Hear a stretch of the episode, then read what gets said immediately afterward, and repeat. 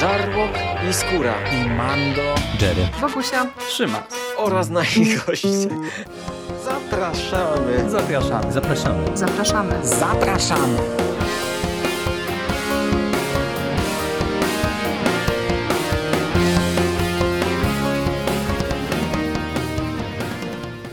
Witamy w konglomeracie podcastowym, czyli na platformie, która zbiera wszystkie Wasze ulubione podcasty w jednym miejscu. Ja nazywam się Szymon Cieściński, a w Mrocznym Studio są ze mną Paweł Batman Mateja, witam Cię. Cześć, witam. Michał Batman Rakowicz, witam Cię również. Czołem, witam panowie, witam wszystkich. I e, w tym składzie zapraszamy Was na omówienie jednego z najbardziej wyczekiwanych filmów 2022 roku, e, czyli na recenzję 7 w reżyserii Davida Finchera. Tak, zgadza się. Czekaliście na 7? E, tak umiarkowanie, ale z entuzjazmem. Nie no, ba bardzo czekaliśmy, myślę wszyscy, e, no bo umówmy się, ten film miał e, duży hype, e, tym bardziej, że takiego solowego filmu o Batmanie no już jakiś czas nie mieliśmy. Wszystko, co Matt Reeves mówił na temat tego filmu na etapie produkcji, wszystko, co wyciekało, począwszy od doboru aktorów do poszczególnych ról, a na podejściu właśnie samego scenarzysty, reżysera skończywszy, czyli że to ma być film taki bardziej bardziej detektywistyczny, e, mniejszy, skupiony na nieco innych aspektach niż to ostatnio bywało, no to powodowało, że y, no myślę, że dla każdego fana Batmana, dla każdego fana superbohaterszczyzny, no to był wyczekiwany seans. Mhm. Ja nie jestem akurat wielkim fanem kina superbohaterskiego, wręcz jestem jego antyfanem. Poza The Boys, w którym chodzi o to, żeby tłuc superbohaterów, to ja takich rzeczy za bardzo ani nie oglądam, ani nie lubię, ani nie śledzę. Ale akurat Batman to jest dla mnie taki wyjątek, bo to no, umiarkowanie powiedzmy tylko superbohaterskie, raczej nie wiem, jakieś, no, jest jakieś takie dla mnie trochę oso osobna sprawa. I tutaj bardzo się jarałem, żeby właśnie ten film koniecznie zobaczyć w kinie i, i bardzo czekałem na ten ten seans. I jeszcze ja cię tam zachęcałem, nie, że będzie tam wątek dla ciebie. E, tak, e, to ja wam powiem, że e, ja w ogóle nie śledzę, znaczy, może inaczej, śledzę, ale tak bardziej z doskoku na zasadzie w ramach jakiejś integracji ze znajomkami czy coś, ale ja nie chodzę do kina za bardzo na to nowe DC. I te wszystkie filmy tak naprawdę od Supermana, tak Batman v Superman i tak dalej, mnie raczej ziębiły. I gdy potem się okazało, że Colin Farrell ma e, ogarniać nowego Batmana, e, no to tam było sporo takich głosów pozytywnych, ale mnie to też w ogóle jakoś nie kręciło. W sensie, w sensie pomyślałem sobie, no dobra, no jak będzie to pewnie zobaczę, ale niekoniecznie jakoś w kinie, nie na premierę, e, nic takiego. Potem tam się przewijała masa takich wielkich nazwisk e, w kontekście tego Batmana, no i w końcu trafiło na Matt Reevesa. E, no i tak sobie pomyślałem, no w sumie Matt Reeves jeszcze złego filmu e, nie zrobił. Spoko, zobaczymy co tu może wymyślić. A gdy się okazało, że on niby od początku pisał ten scenariusz z myślą o Pattinsonie i Pattinson ma tutaj grać, no to jakoś mnie to totalnie kupiło, zwłaszcza, że rzeczywiście no po Good Time i po Lighthouse było wiadomo, że Pattinson to nie jest jest Edward, tylko że to jest e, mega utalentowany aktor, który też... Ale no właśnie trzeba przyznać, że mimo wszystko gdzieś tam na etapie zapowiedzi już pojawiały się kontrowersje, że oto znowu ten aktor ze Zmierzchu będzie teraz grał poważną rolę. Ludzie tak nie do końca pamiętają o tym, że po drodze wyszły jakieś inne -hmm. filmy z Pattinsonem, wyszedł Lighthouse choćby, no, który zupełnie, a to już dawno jego rola została przedefiniowana, ale teraz mamy takiego nowego aktora. Ale to jest w sumie, to, to jest też o tyle zabawne, że ten aspekt, czyli e, znowu jakaś krytyka niektórych e, środowisk niektórych ludzi pod adresem Pattinsona, e, że on nie pasuje do roli Batmana, to jest o tyle zabawna krytyka, że e, to jest standardowe modus operandi części fandomu i już od tych pierwszych Batmanów e, Bartona, no bo przecież Keaton też był hejtowany zanim stał się jednym z najbardziej ikonicznych wcieleń Batmana w historii. To, to samo było później przy Batmanach Nolana, to, to samo mamy teraz, więc wiecie, norma. Umówmy się, fandomy w ogóle ogóle hejcą wszystko, tak? Co jeszcze nie widzieli, nie, nie słyszeli, już hejcą na starcie, więc y, to jest osobna sprawa, ale kurczę, no jak ktoś widział właśnie kilka ostatnich filmów Pattinsona, y, no to on idealnie pasuje, w sensie to jak on tam gra mimiką, chociażby właśnie ciałem, y, spojrzeniem, no to właśnie w tym momencie, jak się o tym dowiedział, znaczy pierwsza, pierwsza myśl to była taka chwila, Pattinson, nie? W sensie, bo on się kojarzy jednak z takim znaczy, to też jest może trochę takie e, niezgod, nie do końca zgodne z prawdą, ale raczej z taką drobną osobą, nie? Więc tak trochę na takiego postawnego Batmana e, w tym swoim e, kostiumie, no to ta myśl taka czysto fizyczna, fizjologiczne wyobrażenie, w pierwszej chwili też tak miałem chwila, co? Ale po chwili, wiesz, przypomniałem sobie tego sobie pomyślałem, wow, no w sumie to idealnie pasuje, nie? A jeszcze się okazało, że Greg Fraser będzie współpracował z Reevesem, oni zresztą wcześniej współpracowali w, też w sumie nie wiem ile razy, no ale współpracowali. No i właśnie żaden z nich jeszcze nie zawiódł, y, więc y, zaczął się w mojej głowie budować taki naprawdę duży hype, y, a że jeszcze na Dune nie dotarłem do kina w ubiegłym roku, to teraz miałem takie postanowienie, że na Batmana choćby się po prostu no tutaj wulgarne porównanie, no jakby choćby się waliło wszystko, no to że pójdę i bardzo się cieszę, że dotarłem, bo no tak, to jest kino, jak Jerry powiedział, przez duże K. E, zacznijmy może od e, tego, jak ten film w ogóle się zaczyna. E, mamy otwarcie, w którym dowiadujemy się, że trwa Halloween i mamy pierwszą zbrodnię naszego głównego antagonisty, e, czyli Riddlera, bo o Riddlerze w dużej mierze ten film opowiada. E, I tu już widać, e, jak dopieszczony jest ten film od strony technicznej, wizualnej, jak bardzo jest przemyślany, bo mamy taki kadr, znaczy ja nie opowiadam może każdego kadru po kolei, ale właśnie w momencie, gdy Riddler się pojawia, mamy kadr, w którym Riddler jest gdzieś w tle, w cieniu. Widzimy tylko jakiś zarys e, postaci, nawet może nie zarys, a i świecące oczy. E, fragment kostiumu, co wygląda po prostu jak e, scena z horroru, jakbyśmy mieli jakiegoś potwora, upiora w tle, który właśnie zaraz zaatakuje. No i po chwili wkracza nasz e, złoczyńca i nie zachowuje się jak typowy właśnie komiksowy złol, czy arcy złol, e, tylko jak jakiś psychopata właśnie z internetu, który postanowił dokonać e, pierwszej czy drugiej zbrodni, a co za tym idzie, działa w, trochę w takim szale, nie ma żadnej nadludzkiej siły, nie jest doświadczony w tym, co robi, e, jest po prostu zaślepionym rządzą mordu psycholem i e, no, klimat po prostu da się kroić już tutaj. A potem właśnie na miejsce zbrodni zostaje wezwany Batman, który jak się okazuje od dwóch lat patroluje ulicę Gotham e, i zostaje zaproszony przez Gordona, tylko Gordon mu ufa, komisarz Gordon. E, I to nawet nie chodzi o zaufanie, a o to, że Riddler zostawił stricte wiadomość do Batmana, więc no trzeba było go wezwać na miejsce e, zbrodni, ale cała reszta policji jest totalnie na nie i powtarza po prostu Zresztą to jest taki motyw też przewodni, że rzucają do Gordona, kurde, stary, tak, co ty w ogóle od, odpitalasz, odwalasz, tak, no, przecież to jest vigilante, co on tutaj robi, jak, dlaczego go w ogóle tutaj wpuściliśmy na miejsce zbrodni?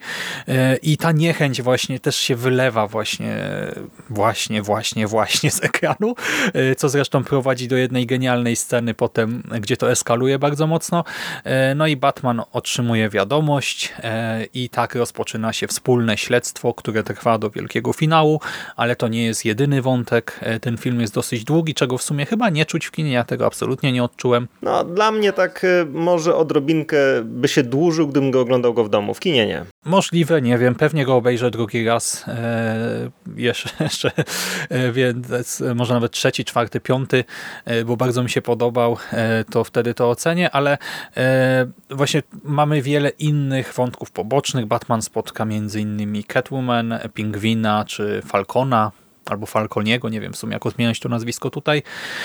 I już teraz e, może podkreślmy, że to jest przede wszystkim właśnie thriller e, detektywistyczny, bardzo mocno inspirowany 7 Finchera, stąd to moje dzisiejsze otwarcie, bo mamy psychopatę, który zostawia gliną wskazówki, psychopatę wzorowanego trochę na Zodiaku, trochę na komiksowym Riddlerze e, i dwóch detektywów, którzy badają sprawę. No i powiedzcie, jak się czuliście po tych pierwszych scenach? No, mnie się bardzo podobało. Od razu jakby widać, czuć w tym, co twórcy serwują nam na początku, że choć jest to film w jakimś stopniu podobny do trylogii Nolana, to jednak od razu starają się oni nam tutaj narzucić jakąś troszkę inną, znaczy skierować nas ku temu, że będzie to film inny, że klimat, Inaczej, nie? Tak, Przede tak, wszystkim. Że, że będzie to inaczej działało i że mamy się spodziewać, no mimo iż to będzie takie kino dalej bawiące się gdzieś takim współczesnym, bardziej realistycznym Batmanem, to będzie ono inne.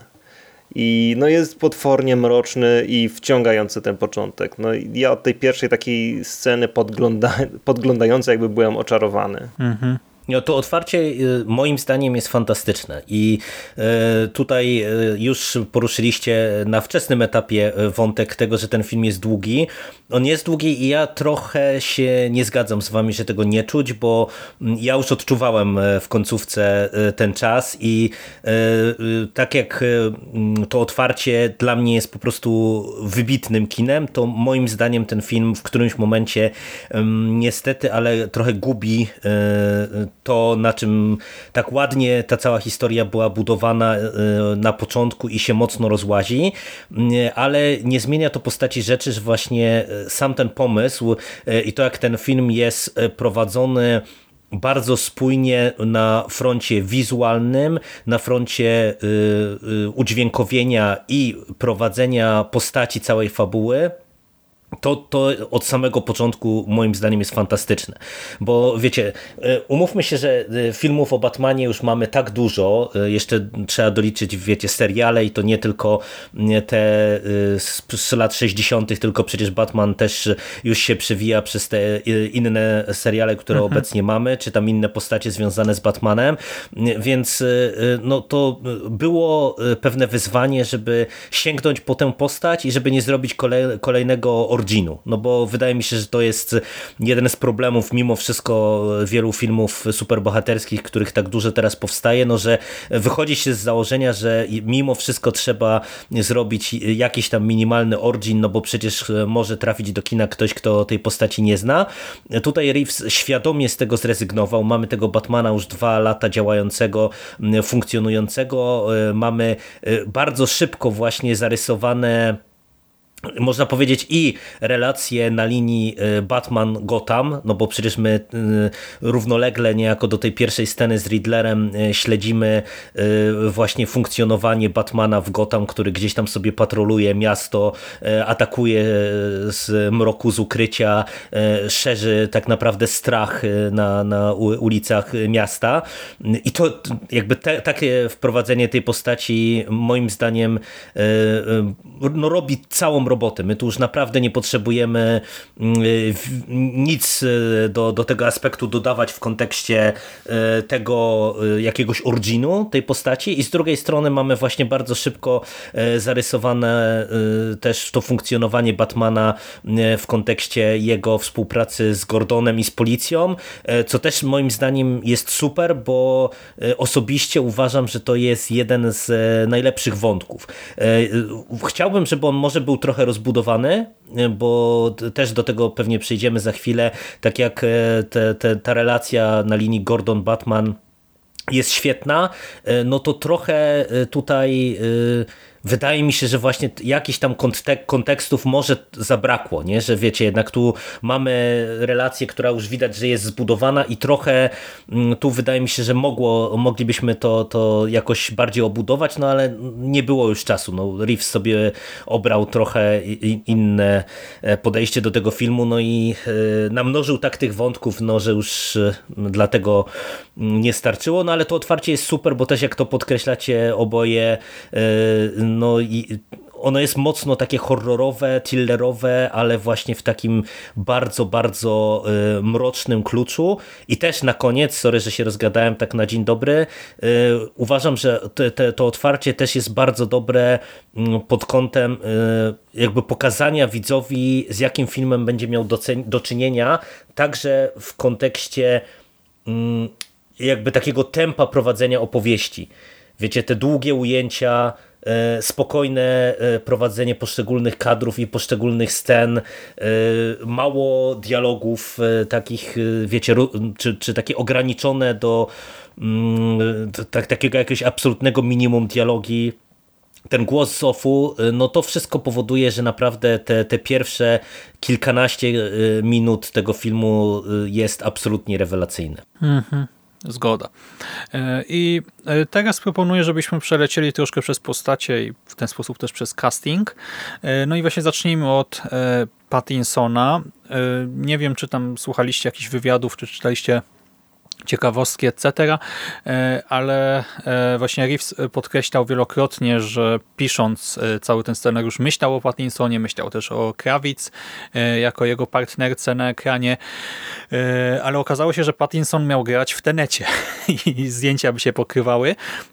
No i Reeves był przekonany, że w takim razie no Pattinson nie wybierze blockbustera, ale jednak okazało się, że wybrał i chodzi taka anegdotka w ogóle zabawna, że Pattinson Pattinsonowi głupio było się wykręcić e, u Nolana, tak?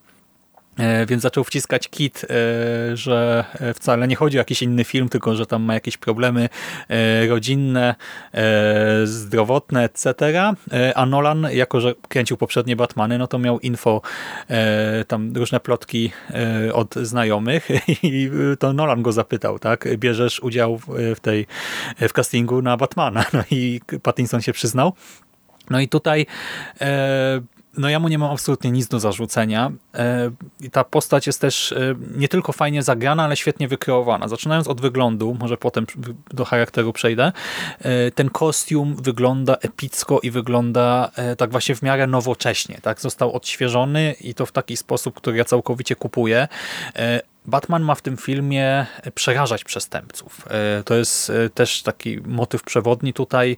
E, mamy jeszcze dodatkowo to Halloween, więc z jednej strony złole mogą paradować na mieście po mieście w maskach e, i tam, nie wiem, napadać, kraść, mordować, rabować, etc. Ale z drugiej strony muszą wiedzieć, że w każdej chwili e, z cienia może wyłonić się nasz Batman i to jest też świetnie tutaj obrazowane, e, bo Batman na przykład nie wyskakuje na złoli gdzieś tam z góry, tylko zawsze wyłania się z cienia i to w taki sposób, że ten ciężki kostium słychać, słychać te kroki jego, słychać ciężkie kroki i po chwili dopiero wyłania się powoli sylwetka i potem jakieś e, detale, no bo od tego kostiumu oczywiście odbija się światło. E, on jest ciężki, kuloodporny, ale Batman porusza się w nim sprawnie. Nie jest oczywiście akrobatą, e, nie ma tutaj takich cudów jak w grze komputerowej, przykładowo w palecie ruchów, ale i tak no, może spuścić komuś łomot i to czuć. Tutaj te ciosy po prostu, jak ja widziałem, jak on tłukł kogoś, to e, wiecie, ja mam, ja, ja skaczę na horrorach, gdy się komuś krzywda dzieje, to tutaj jak słyszałem te uderzenia tej pięści o kości, o twarz, o ciało, to aż podskakiwałem w fotel, nawet teraz podskakuję trochę, jak e, o tym myślę i powiem wam, że gdybym ja nie znał tej postaci, gdybym nie wiedział, e, co to za film, no to ja bym się i bał. Autentycznie, jakbym był dzieckiem na przykład, które nie, nie ogarnia popkultury i po prostu zobaczył jak Batman wychodzi z cienia, to ja bym uciekł pewnie do drugiego pokoju. I e, no mega rzecz. Moim zdaniem wyszło to genialne i y, właśnie ta dbałość o szczegóły, y, to, że słychać ten kostium, to, że te ruchy nie są zbyt właśnie wiotkie, luźne i makijaż Bruce'a, bo Bruce nosi pod maską makijaż, dużo właśnie jakiegoś cienia czy czegoś ma nałożone e, i jak wiadomo, no twarz pod maską się poci, więc gdy ją zdejmuje, ma na twarzy rozmazany czarny make-up i to też wygląda doskonale. To tyle o wyglądzie. Właśnie, czy w poprzednich Batmanach, bo nie pamiętam, czy tam też ten make-up się pojawiał, bo to bardzo moim zdaniem ciekawy, fajnie użyty efekt był. Zmy znikał makijaż w poprzednich Batmanach, że on był pod maską, ale jak maska była zdejmowana, oczy były czyściutkie, więc to był de facto wyglądało jak błąd y, w produkcji. Okej. Okay. No, dla mnie to był taki fajny smaczek właśnie z tymi oczami, które sobie tam malował, że wraca taki później zmęczony, poobijany mm -hmm. i, i, no i właśnie ma ten makijaż, który po prostu ma sens w kontekście całego stroju. Jakoś wcześniej, szczerze mówiąc, nie zwracałem na to uwagi mm -hmm. w poprzednich filmach, a tutaj fajnie mi to grało, ale ja mam generalnie taki problem z całą postacią Batmana, bo o ile jakby tak mam wrażenie, że w czasie mm, w kolejnych filmach o Batmanie ten Batman jest coraz taki bardziej mroczny, znaczy, może te, te wszystkie postacie są e, coraz bardziej takie realistyczne, takie, takie mroczne, e, w jakiś tam sposób takie pozorujące prawdziwość, o tyle postać Batmana po prostu coraz bardziej gryzie mi się z całym otoczeniem, dlatego że wiecie, mamy tutaj jakieś scenę morderstwa, wchodzą policjanci do pomieszczenia, gdzie leżą zwłoki, wszyscy się tam tłoczą, jest tak niepokojąco, mrocznie, strasznie. I nagle wchodzi ten gość w takim, powiedzmy, że ja wiem, że to nie jest lateks, ale w takim lateksowym stroju. I otóż wchodzi, ma szpiczaste uszy, ma pelerynę i nic nie mówi, i tak tylko patrzy ponuracko i wszyscy myślą, Boże, jaki debil, znowu, znowu on, nie? Zbroi, no. No, taki, taki dziwoląg w zbroi, no ja jakby kumam, nie? Kumam, że to jest cały czas Batman i że no, tego się nie wyzbędziemy, ale chciałbym być może, żeby też jego postać jakoś inaczej z czasem zaczęto traktować. Nie wiem. Nie wiem do końca jak. Ale tak jest, nie? W sensie, że ten film nie udaje, że to jest normalne. Dlatego mi to nie przeszkadza, bo y, y, świat reaguje na to tak w miarę racjonalnie i y, tak jakby ludzie reagowali współcześnie, nie tak jak kiedyś, nie? Że właśnie nikomu to nie przeszkadzało w gruncie rzeczy. Mhm. No to prawda, ale ja mam wrażenie, że tutaj jest mimo wszystko jakieś pole do popisu w przyszłości, żeby, nie wiem, tą postać w jakiś sposób mocniej przedefiniować i wyzbyć ją tej mhm. takiej groteskowości. Mhm, dokładnie. E, no, e, w kwestii e, Batmana, tej strony wizualnej, to raczej ja się zgadzam tutaj w pełni z Szymasem, bo wydaje mi się, że to jest dobrze zrobione właśnie pod kątem wprowadzenia tej postaci w ten świat, ale ja bym bardziej chciał się skupić chwilę odnośnie Bruce'a Wayne'a, bo to jest jedna z rzeczy, które dla mnie są dyskusyjne z perspektywy całego tego filmu, w tym sensie, że to jest film o Batmanie. Tutaj praktycznie Bruce'a Wayne'a nie ma. I dla mnie osobiście to jest y, lekki minus, y, w tym sensie, że znów, y, według mnie ten film ma za dużo wątków i w swojej drugiej połowie się bardzo mocno rozłazi i wolałbym chyba nieco inny wybór, nieco inne rozłożenie akcentów. Przejdziemy do tego dalej, ja bym tu niektóre wątki w całości wyrzucił, a właśnie pokazałbym trochę tego Wayne'a y, jako postaci, bo te, te momenty nieliczne, w których mm, widzimy Bruce'a Wayne'a, a nie Batmana na ekranie, on wypada bardzo fajnie, bo to, to jest, ja mam wrażenie, że wręcz ze strony Pattinsona trochę taka świadoma gra z e, tym swoim wizerunkiem emo nastolatka, gdzie, mhm. gdzie wiecie, mamy tego, e, te, te skojarzenia jeszcze właśnie u bardzo wielu widzów e, z tym emo wampirem ze zmierzchu i on tu w sumie trochę mówię, według mnie bardzo świadomie mm, ogrywa takie budowanie postaci, nie? Jako właśnie takiego trochę e, zmęczonego życiem e, e, emo gościa, który cały czas ma jakąś tam nieprzepracowaną traumę, chowa się za tymi okularami, chowa się przed światem i, i, i to jest super, i to mi gra e, w kontekście też e, jakby tej dwoistości natury e, Batmana i Bruce'a Wayne'a, ale mówię, trochę mi tego tutaj brakuje. Ja bardzo, bardzo lubię w tych wszystkich w zasadzie wcześniejszych filmach o Batmanie, że tam zawsze mm, Bruce Wayne jest także postacią, nie? która ma coś do roboty, ma jakieś swoje, nie wiem, czy, czy jakieś romanse, czy jakieś swoje interesy, czy wchodzi kwestia firm, firmy, y, Wayne Enterprise i tak dalej, i tak dalej. Mhm. Tu, tutaj, tutaj tego w zasadzie nie ma. Nie? Ten Bruce Wayne pojawia się dosłownie w kilku momentach. Y, mamy trochę mm, takiego Bruce'a, ale też bardziej Batmana w rozmowach z Alfredem. Y, no i mówię, trochę, trochę mi osobiście tego, mm, tego brakowało, ale no też rozumiem wybór. No, wydaje mi się, że to miał być film głównie o Batmanie i, jeżeli doczekamy się sequela, no to, to myślę, no że tutaj jest na czym budować po prostu. Właśnie do tego chciałem e, zmierzać e, w mojej reakcji na to, co mówisz, e, bo moim e, zdaniem e, bardzo świadomie tutaj, znaczy nawet nie świadomie, tylko to jest fabuła tego filmu, że Bruce Wayne jest tym przybitym, zmęczonym życiem gościem, który wymyślił sobie plan na ucieczkę od rzeczywistości, nie od właśnie bycia Brusem, E, zmagania się z tą codziennością Wayne'owską, e, z, tą, z tym dziedzictwem po rodzicach. E, chciał być właśnie Batmanem, by nie musieć być Bruce'em, ale jednocześnie w tym filmie on widzi, że te działania Batmana nie przynoszą zamierzonych rezultatów. One jakoś tam działają, ale nie tak, jak on to sobie wyobraził te powiedzmy dwa lata wcześniej. Ucieczka nie przynosi ulgi, a po prostu przynosi problemy innej natury i to jest E, moim zdaniem e, podbudowa pod więcej Brusa w kolejnym filmie, tego Brusa, który powróci. Bo gdybyś tutaj miał więcej Brusa, tego zmęczonego życiem, e, właśnie na nie, tego trochę emo dorosłego, który po prostu, za przeproszeniem, żyga rzeczywistością, tym, tym, co go otacza w tym normalnym, codziennym życiu jako człowieka, nie jako superbohatera, mściciela, no to, że to by było nieznośne, że to by wcale tego filmu akurat tutaj nie poprawiło, a e, za to... Wąt... Mm, nie zgadzam się.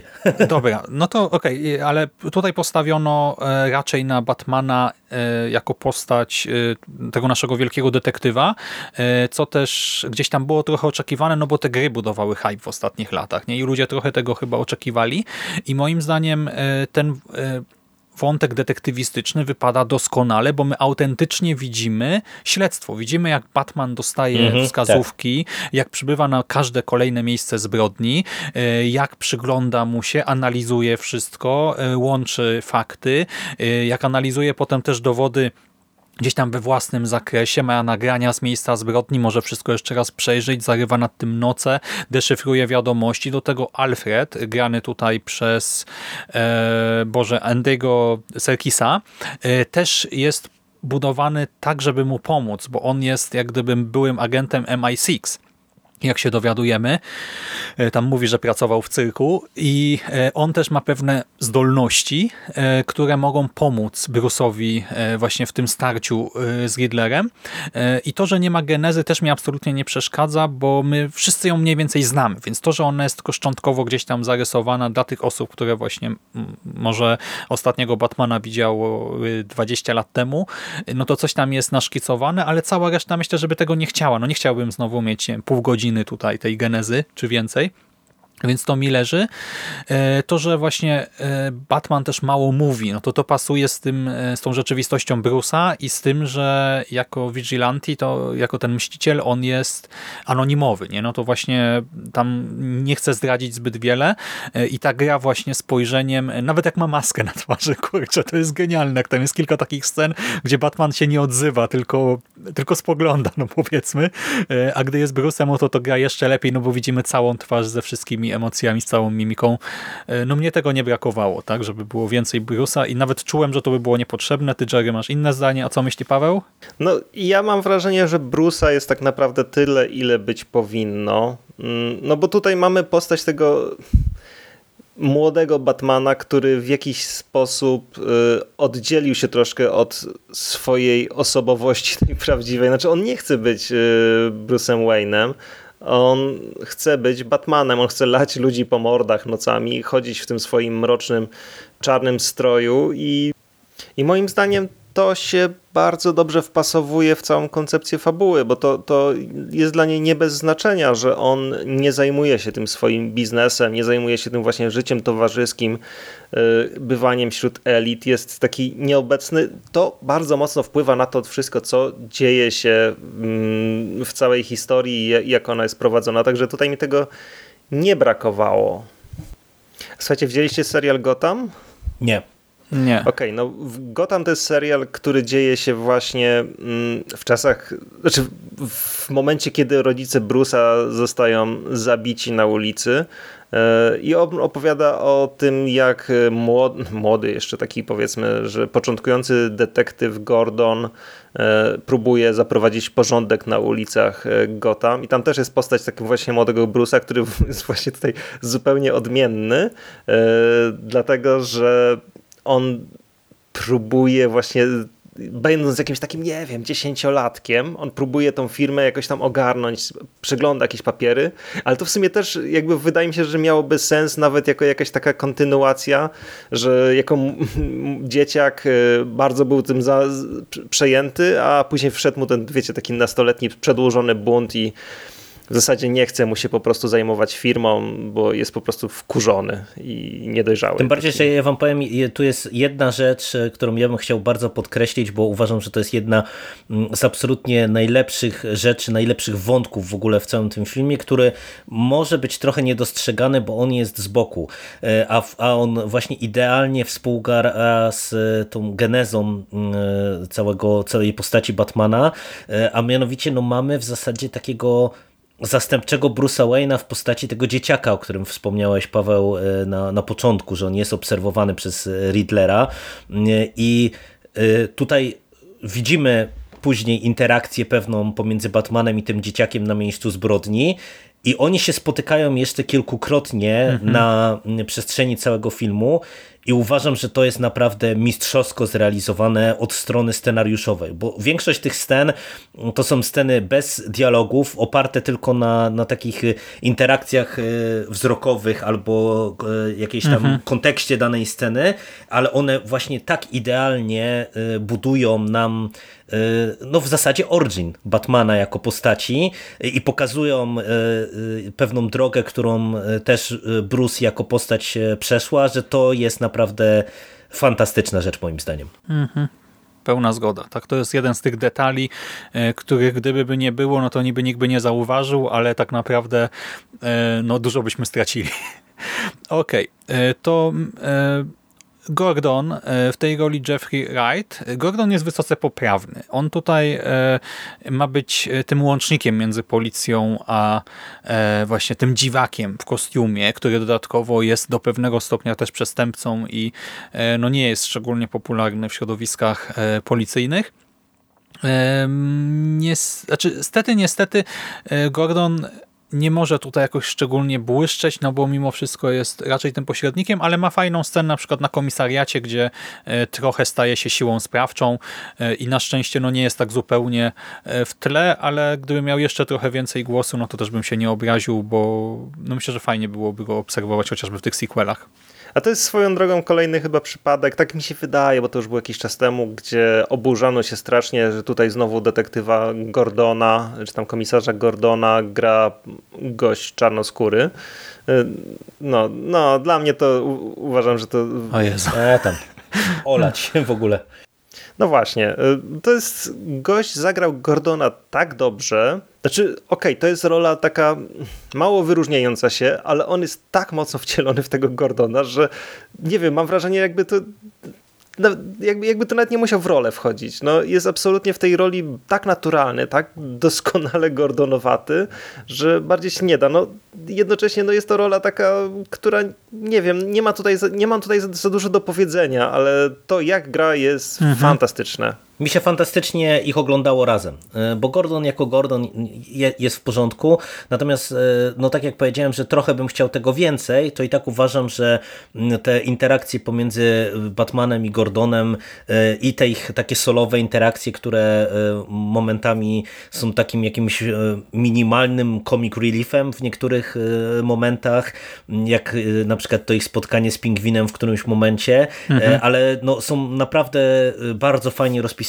i jest bardzo fajna chemia, taki fajny bromans się udało mm, e, tutaj pomiędzy tymi e, dwoma postaciami e, nakreślić, tym bardziej, że tutaj to też jest fajne, że jeszcze ten Gordon nie jest tym takim Gordonem, którego też znamy mm, z wielu innych ekranizacji, czyli tym w zasadzie niepodzielnie rządzącym policją Gotham, ale też trochę zmęczonym życiem, detektywem, komisarzem, no tylko on jeszcze jest na pewnym niższym szczeblu swojego swojej kariery i to też fajnie gra z, właśnie z całą fabułą e, filmu, także no, moim zdaniem to jest super rola. Dobra, e, to teraz e, myślę, że Zoe sobie zostawimy jeszcze, bo o niej osobno trzeba porozmawiać o jej wątku. Teraz Zwolę.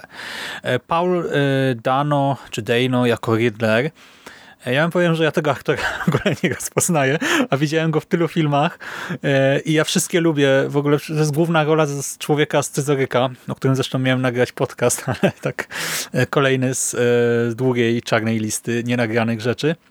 Ja go totalnie nie poznałem, e, wstyd, wiem, ale jest świetny tutaj. Riddler jest tym naszym Zodiac Killerem e, z naszej rzeczywistości, takiej w sensie nie filmowej, tylko tej tutaj naszej. Tak, On mógłby istnieć naprawdę. On jest e, prawie niekomiksowy.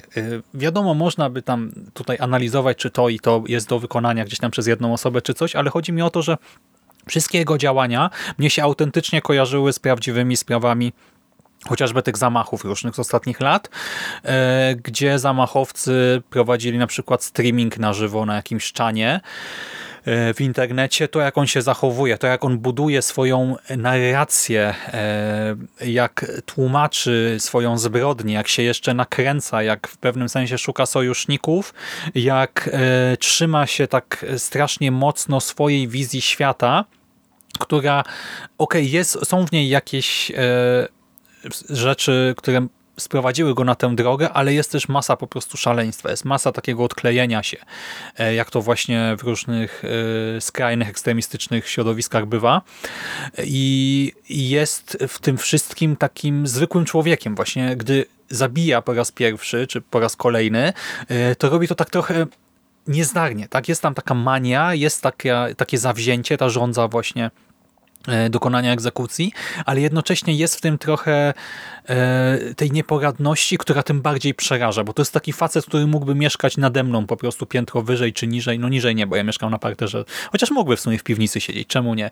E, w końcu jest trochę rąpnięty i właśnie buduje tę swoją narrację, planuje zamach, planuje morderstwo, planuje wysadzenie czegoś, upiornie to wypada i gdy widzimy go w kostiumie, ten kostium jest też trochę śmieszny, nie? Jakby tak się zastanowić, bo to jest w ogóle co to jest? Jakaś przeciwdeszczowa kurtka, jakaś, nie wiem, maska, nie wiem, rybaka, pszczelarza, coś, taki właśnie, coś, co można by kupić w jakimś pewnie markecie e, z meblami, etc. i narzędziami, e, ale właśnie przez to wygląda, jest jeszcze bardziej upiorny, e, a gdy jest bez tego całego stroju, gdy jest ubrany, to tak taki codzienny strój, to, to też wygląda właśnie, jest super to, że jest taki niepozorny, że wygląda niewinnie, a jednocześnie wiemy, co ma w głowie i do czego doprowadził. No, on wygląda jak młody Bill Gates. Trochę. No dla mnie to jest chyba najjaśniejszy element całego filmu. Jego gra i, i w ogóle ta postać. Jest fantastyczny, jest upiorny w tym, jak się zachowuje, jaki jest taki nie wiem, takim, takim piwniczakiem troszkę przemieszanym z szaleńcem, takim gościem troszkę jak z tych y, różnych dokumentów, y, tak jak ten o smutnej żabie, który tam chyba kiedyś, o którym też kiedyś rozmawialiśmy, że on tutaj nie ma jakichś takich, jakby wyzbył się, nie wiem, jakiejś takiej swojej nie wiem, takiej oceny samego siebie, jakichś takich zahamowań, nie wiem, śmiech jaki on tam ma, czy jakieś takie zachowania, one są, nie wiem, takie zupełnie upiorne e, przez to, że właśnie, że nie wiem, nie wiem nawet jak to określić, nie? Jest, jest tak, tak dobrze, tak przerażająco autentycznie zagrany. Mhm. No świetna rola i bardzo podoba mi się to, że tutaj poszli twórcy w stronę czegoś zupełnie innego niż y, było to w przypadku tych jakichś wcześniejszych Batmanów, gdzie tam właśnie ten człowiek zagadka się też pojawiał. Szczerze mówiąc, ja nawet nie pamiętam w czym, bo czy to było w tej mhm. animacji batmanowskiej, czy gdzieś. Mm, no to ja zdecydowanie bardziej kupuję tę wersję, która no jest po prostu no wpasowana w nasze czasy, jest taka mało komiksowa, a no jest boleśnie wręcz realistyczna. W QAnonie mieliśmy takich ludzi też, nie? Chociażby. W tym filmie, e, w dokumencie o QAnonie i my jeszcze omawialiśmy chyba e, Odczep się od kotów, nie? Czy Odwal się od kotów? Tak, tak, tak, dokładnie. Not fuck with cats. Mhm. No to swoją drogą też bardzo fajny film był, ale właśnie to jest taka postać, która nie ma jakiś taki, nie wiem... Yy... Kompetencji społecznych, miękkich, tak. Tak, tak, tak to jest dobrze powiedziane. No, ja byłem bardzo kupiony tym, jak ta postać była wykreowana i jest kreowana w filmie i jest prowadzona y, do ostatniego aktu. Y, mam spore wątpliwości y, co do tego, mm, jak ten ostatni akt wypada i to jest trochę dyskusyjne, bo tam w zasadzie Riddler już jest bardziej siłą sprawczą niż e, e, jakby postacią i to, jest, to są bardziej uwagi do, do fabuły, a nie do prowadzenia e, mhm. samego bohatera. No ale nie zmienia to postaci, że trochę mi to rzutuje na, na odbiorze Riddlera jako właśnie tego głównego antagonisty. Przepraszam, nie zmienia postaci... mówisz o tym mhm. zwiększeniu skali i o naśladowcach? Czy... Tak, tak. Mówię o zwiększeniu skali i o naśladowcach, ale to jest w ogóle dla mnie pewien problem tego filmu, że tak jak po dziś dzień wszyscy się śmieją, że powrót króla nie chce się skończyć i ma 11 zakończeń, to niestety trochę ja tak czułem siedząc na saliwki nowej w Batmanie, że nagle dostajemy jedno zakończenie, drugie zakończenie, trzecie, tu kończy się wątek tej postaci, tu nagle mamy coś jeszcze i to no, ja A już to jest... nie miałeś, mhm. a propos tego właśnie zwiększenia skali, nie miałeś wrażenia, że to, y, że znaczy rozumiem, o czym teraz mówisz, tak te uwagi y, spoko, tylko na razie odsuwam na bok. Y, nie miałeś wrażenia, że to ten finał wątku Riddlera jest trochę tym, co chciał zrobić Joker z Phoenixem, a co tam absolutnie nie wyszło, a tutaj tak, jednak, że to tak, się udało? Tak, tak, tak, tak, tak. Nie, ja to ten aspekt bardzo doceniam, bo to w ogóle właśnie chciałem e, do tego przejść jakby na koniec w kontekście postaci Riddlera, e, że według mnie, tak jak o Jokerze Philipsa mówi się, że Phoenixa. on trochę nie, Philipsa, bo ja mówię o, o reżyserze A, w tej chwili. Tak, tak, tak. tak. E, że wiesz, że mówi się o, o, tym filmie, że on trochę mm, jakby dał głos właśnie tym incelom, tym wszystkim zagubionym ludziom e, i, i był jakimś takim wielkim e, głosem także społecznym, w kontekście społecznym. Ja uważam, że to jest po prostu wierutna bzdura. Ten, ten mhm. film jest zły pod tym kątem i uważam, że właśnie Reeves bardzo odrobił lekcję, bo on wykorzystał teoretycznie podobne ciągoty, ale on zrozumiał jakby jakie jest sedno e, też jakby tych ruchów, tak mi się wydaje przynajmniej, ja to tak odbierałem, mhm. E, że, że zrozumiał jakby jakie jest podłoże e, ta, takich właśnie wiesz, zachowań, które ty, tych ludzi potrafią napędzać, jakie są jakby te strachy właśnie takie społeczne i wydaje mi się, że dobrze na tym zagrał. To, to nie jest jakieś, wiecie, wielkie kino społeczne, ale uważam, że to jest bardzo kompetentnie zrobione y, y, właśnie w przeciwieństwie do, do Jokera, który, który udawał, że, że o tym mówi, a tak naprawdę y, totalnie chybiał na, na każdym możliwym polu. I w kreacji postaci, i w tym, co ta postać reprezentowała, i, i tym, jak była prezentowana ona jako sama postać.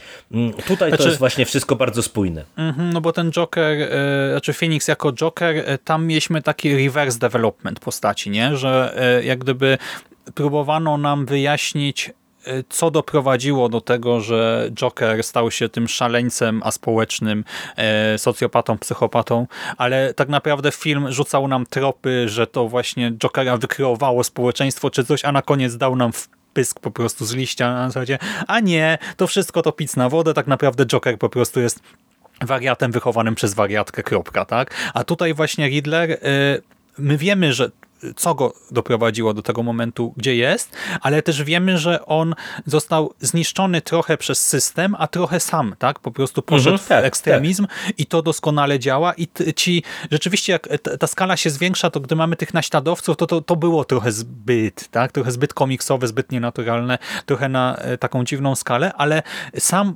pomysł mi się podoba, bo mhm, umówmy się, jak dochodziło do tych różnych zamachów na świecie w meczetach, e, etc., gdzie były te relacje e, na żywo opublikowane na czanach. E, tak się akurat złożyło, że ja widziałem te czany, zanim były zablokowane, no bo to była moja pierwsza myśl, gdy pojawił się wielki news, mówię, Jezu, ciekawe, czy to jeszcze istnieje, czy to jest do znalezienia i tam ludzie wypisywali tak obrzydliwe rzeczy, że ja nawet teraz na myśl o tym już mam skurcz żołądka i chce mi się wymiotować.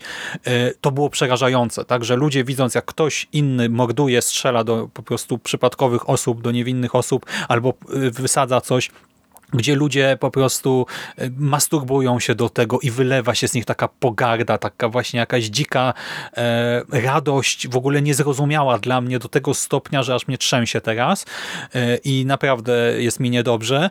E, I tutaj mamy trochę właśnie tego, tak, że ci ludzie kupili tę narrację gdzieś tam w, w brudnych, ciemnych zaułkach internetu e, i właśnie chcą e, być częścią tego działania, bo to są ludzie, którzy na co dzień są, e, tak jak ty mówisz tutaj, Riddler staje się siłą sprawczą. Ci ludzie normalnie nie mają głosu. Oni siedzą w tych swoich piwnicach, snują te swoje bzdurne teorie, pielęgnują ten swój właśnie rasizm, nazizm, nienawiść do kogokolwiek, tak? bo to nie musi być jakoś też ukierunkowane e, tak z definicji konkretnie e, i teraz mają nagle prawo głosu, dostają na moment, mogą zadziałać i oni wychodzą z tych swoich nor. E, I to jest nieprzyjemne i może trochę wyszło zbyt komiks, znaczy nie komiksowo, no ale w sensie jest trochę zbyt przerysowane, trochę tę naturalność gubi, ale mimo wszystko fajnie. Podobało mi się to, bo to jest mocny i straszny wątek. Myślę, że nie bez przyczyny e, padły te tytuły, czyli ten dokument o QAnon,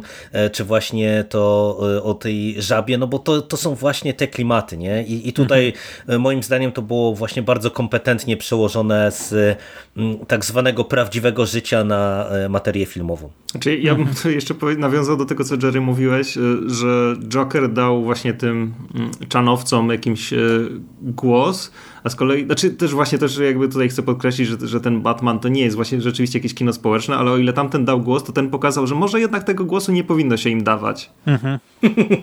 tak. No i bardzo dobrze zresztą, no przykro mi, ale tak. I skoro o tym wspominamy, my oczywiście dzisiaj staramy się omijać jakieś takie ogromne spoilery, ale że już jest trochę czasu od premiery i że film można na spokojnie obejrzeć na HBO, e, no to e, wspomnijmy o cameo Barry Keoghan jako Joker tutaj się pojawił dosłownie na, nie wiem, kilkadziesiąt sekund e, w tym filmie może to jest zajawka właśnie wątku, znaczy nie wątku, tylko tego, że postać się pojawi w sequelach. Może to po prostu jest easter egg, mrugnięcie e, okiem. E, może sygnał, hej widzów, w tym mieście jest, e, źle się dzieje, tak? Mamy Arkham, jest tutaj wielu wariatów, więc jeszcze wiele się może wydarzyć. nie wiem, czy widzieliście usuniętą scenę. Widzieliście, czy nie? Ja widziałem. Mhm. E, no właśnie, no to e, tam widzimy, jak Batman konsultuje się e, z Jokerem e, i widzimy makijaż e, Keogana i kurde, Phoenix przy nim to jest taka kukiełka, taka kolorowa, ładna wydmuszka. Jezu, znaczy ja lubię w ogóle Keogana od znaczy od dawna, ale Boże, nie, Zabójstwo Świętego Jelenia to był polski tytuł? Nie pamiętam. No ale jak ktoś y, oglądał, to wie o czym mówię. Jezu, po tamtym filmie ja się go boję. Jak widzę Keogana nawet w, w tych, y, w tym ostatnim filmie Marvela, y, przypomnij się tytuł? Y, Eternals? Tak, w Eternalsach, tak? To ja po prostu jak go widzę, to ja mam wspomnienia z tamtego seansu, ja się go boję cały czas. Jak zobaczyłem go z tym makijażem Jokera, znaczy dobrze ta scena wyleciała, Myślę, bo y, trochę by było za dużo grzybów w barszczu, a niewiele by wniosła, bo ona dotyczy tego wątku właśnie Vengeance, który i tak doskonale wybrzmiewa nawet bez niej, ale Keogan wygląda niesamowicie upiornie. Jezus Marian. No wygląda świetnie, aczkolwiek nadal uważam, że, znaczy mam nadzieję, że w tym kolejnym filmie Jokera nie będzie, a mhm. najlepiej, żeby go w ogóle już nie było. Y, ale no tak, tak, no w tej scenie no to jest y, też widać zupełnie inaczej jakoś ale też głos postać. w ogóle, jego ciało, bo mm -hmm, nawet on ma mm -hmm. taką, bu, czy nie budowę, ale jego on ma często tak ramiona trochę spięte, jest w ogóle taki, mi się kojarzy z psychozą strasznie, z tą sceną z Batesem, tak? Jak ja go widzę w ogóle gdziekolwiek, no to on mi tak wygląda i tutaj jeszcze y, ten makijaż jest cudowny, ale nawet bez tego makijażu, jego w ogóle ruchy, y, ton głosu, to jak twarzą rusza, Znaczy to w sumie e, Paweł już e, o tym powiedział, e, więc ja to podbiję. Myślałem, że będę odosobniony. Ja jakoś nie pieję z zachwytu ani nad tą sceną i uważam, że dobrze, że jej nie ma no tak, w tak. filmie. Tak. I też jestem zdania takiego, że dajmy już odpocząć Jokerowi. Wydaje mi się, że ta postać już jest tak wyeksploatowana do cna, że ja niespecjalnie widzę, żeby było dla niej miejsce. Tym bardziej, że wydaje mi się, że jeżeli w jakimś sequelu y, dostalibyśmy Jokera, to będzie trudno zachować taki balans, żeby on nie skanibalizował filmu pod siebie, tak, tak mi się wydaje, a z, to z jednej strony, a z drugiej strony chciałbym się mylić, ale na ten moment ja niespecjalnie widzę, żeby twórcy mieli pomysł na tę postać. Nie? Ja Mieliśmy. Mieliśmy y, Jokera y, w wersji Nicholsona, mieliśmy w wersji Ledgera, mieliśmy wersję y, Jareda Leto. Każda ta wersja była inna. Mamy w końcu teraz tego Jokera Phoenixa. Każda z tych wersji jakaś, jest jakaś inna, ale tutaj ja mam wrażenie, że to y, jest trochę taki Joker jak Phoenixa, tylko z innym makijażem i y, Oczywiście, no, ty powiedziałeś Szymas na samym początku, no, Reeves y, do tej pory nie dostarczył nam słabego filmu, więc... No, Ale mogę coś powiedzieć? Ja... No, mów, mów. E, słuchajcie, bo ja też niby nie chciałbym Jokera, tak? Batman ma tyle różnych ciekawych postaci, które można e, wykorzystać, że Joker absolutnie do niczego nie jest potrzebny, ale e, przez to, jak ten film mocno nawiązuje też wizualnie, do czego e, po postaciach myślę przejdziemy, bo o technikaliach tutaj wypada trochę powiedzieć, to jak on mocno nawiązuje do 7 Finchera, sprawiło, że zacząłem sobie wyobrażać e, taką e, wizję filmu, w którym właśnie nie ma Jokera na mieście. Nie ma Jokera jako tego głównego złola, który ucieka z Arkham, ale na przykład coś w rodzaju milczenia owiec. Nie wiem, czy to na cały film, czy na jakiś element filmu, że Joker właśnie jest na przykład tą postacią do konsultacji, która po prostu ma na przykład no, znajomości w tym świecie przestępczym. Jest tym szaleńcą, który gdzieś tam prowadził jakąś grupę przestępczą, zna wszystkich z Woli, z okolicy. Może właśnie jako taka postać w tle, to to by było coś, czego chyba nie widzieliśmy za bardzo do tej pory. Mogłoby być jakoś ciekawie y, wykorzystane, zwłaszcza w ramach takiego kolejnego thrillera z elementami noir, z jakąś intrygą detektywistyczną czy czymś, bo jako Jokera na mieście też bym nie chciał raczej, nie? Ale jako takie milczenie owiec, gdyby no gdybym Reeves to robił i dalej miał taką wizję jak tutaj, no to bardzo chętnie. No, tylko, no to tak jak mówię, no jest, jest, jest to ryzyko, że on skanibalizuje i tak ten film. No bo, bo ja rozumiem o co ci chodzi i myślę, że taki był kontekst tej sceny, nie? Żeby mhm. zrobić trochę takiego Hannibala Lectera, mhm. e, tylko no po prostu w innym klimacie, no ale tak czy siak ja y, jestem na nie. Do, doceniam sam pomysł, ale, ale nie chcę go już widzieć dalej. Mhm. Jasne. No, ja, ja, ja też się w sumie z wami zgadzam w tej kwestii. Znaczy w ogóle mam wrażenie, że najlepiej by było, gdyby... Znaczy to ja wiem, że to, to, to już za późno na takie myślenie, ale gdyby to nie był po prostu Joker, nie? W sensie pomysł, o którym mówisz, Szymas, jest świetny, bardzo by mi się to podobało, ale równie dobrze mógłby to być, nie wiem, Two-Face albo ktoś. Mhm. Bo tak też, też myślałem na początku, że to może będzie Two-Face. Mhm. Ale też zauważcie, że właśnie Reeves go wyciął jednak, nie? Tę scenę, mhm. która gdzieś tam, e, no sam makijaż tutaj był wymagający i wszystko, nie? Dla tej e, króciutkiej wstawki, ile ona tam ma, za 3-4 minuty czy coś, e, więc e, możliwe, że właśnie jednak gdzieś tam ten Joker będzie totalnie na marginesie, on równie dobrze może zginąć, nie? Na początku kolejnego filmu, czy tam w jakimś sequelu i może to być jakiś tam początek innego wątku, e, więc e, ja też nie chcę, żeby to eksploatowano, ale mimo wszystko tutaj za tę, ta kreacja kreacja mi się podoba, Keoghan doskonale pasuje, dlatego chciałem to pochwalić. Dobra, lecimy dalej. Znaczy, wiesz, można, mhm. można powiedzieć, że ta rola bardzo malutka, nawet jeśli wycięta, no, może szczególnie jeśli wycięta, zrobiła swoją robotę. No, o tym tak, rozmawiamy, tak. nie? I, I mhm. rzeczywiście, jeśli nie pójdzie z tym dalej, yy, tylko rzeczywiście będzie go gdzieś trzymać z boku, a efekt osiągnął jaki chciał, no to gratuluję. Tak, ale bardzo z boku, żeby tak jak Jerry mówi, nie skanibalizować mm -hmm, filmu mm -hmm. Jokerem, bo, bo to jest jednak charyzmatyczna postać i przy takiej kreacji no Keoghan mógłby rzeczywiście tutaj popłynąć, myślę, więc właśnie, żeby nie dać mu za wiele czasu i możliwości. E, to teraz Pingwin, Colin Farrell i Falcon może od razu też, czyli John e, Turturro. E, ja wam powiem, że no nie wiem dlaczego, ale byłem negatywnie nastawiony do tego, bo tak miałem wrażenie, że może on po prostu tutaj będzie jako taka, wiecie, nagroda pocieszenia, no nie będziesz Batmanem, nie będziesz kręcił Batmana, to chociaż sobie dostaniesz jakąś tam rolę, a tu się okazało, że e, Farrell e, wygląda świetnie, co jeszcze nie jest jego zasługą, no bo umówmy się tutaj, ta ekipa zadbała o te protezy i to wszystko, co on ma na twarzy, na ciele, e, jest rzeczywiście nie do poznania, ale kurczę, jak, jak on fajnie gra, w sensie on jest Jokerem i jak on mówi. Ja myślę, że ten jego głos Pingwinem. jest zmodyfikowany. Pingwinem. Pingwinem. E, może, przepraszam, już e, pies pingwinem, jak on mówi. Ja myślę, że ten głos jest zmodyfikowany jakoś technologicznie, ale on twierdzi, że się tam wzorował na jakichś nagraniach starych i że niby właśnie po prostu no tak to wyćwiczył. E, no i wypada bardzo fajnie.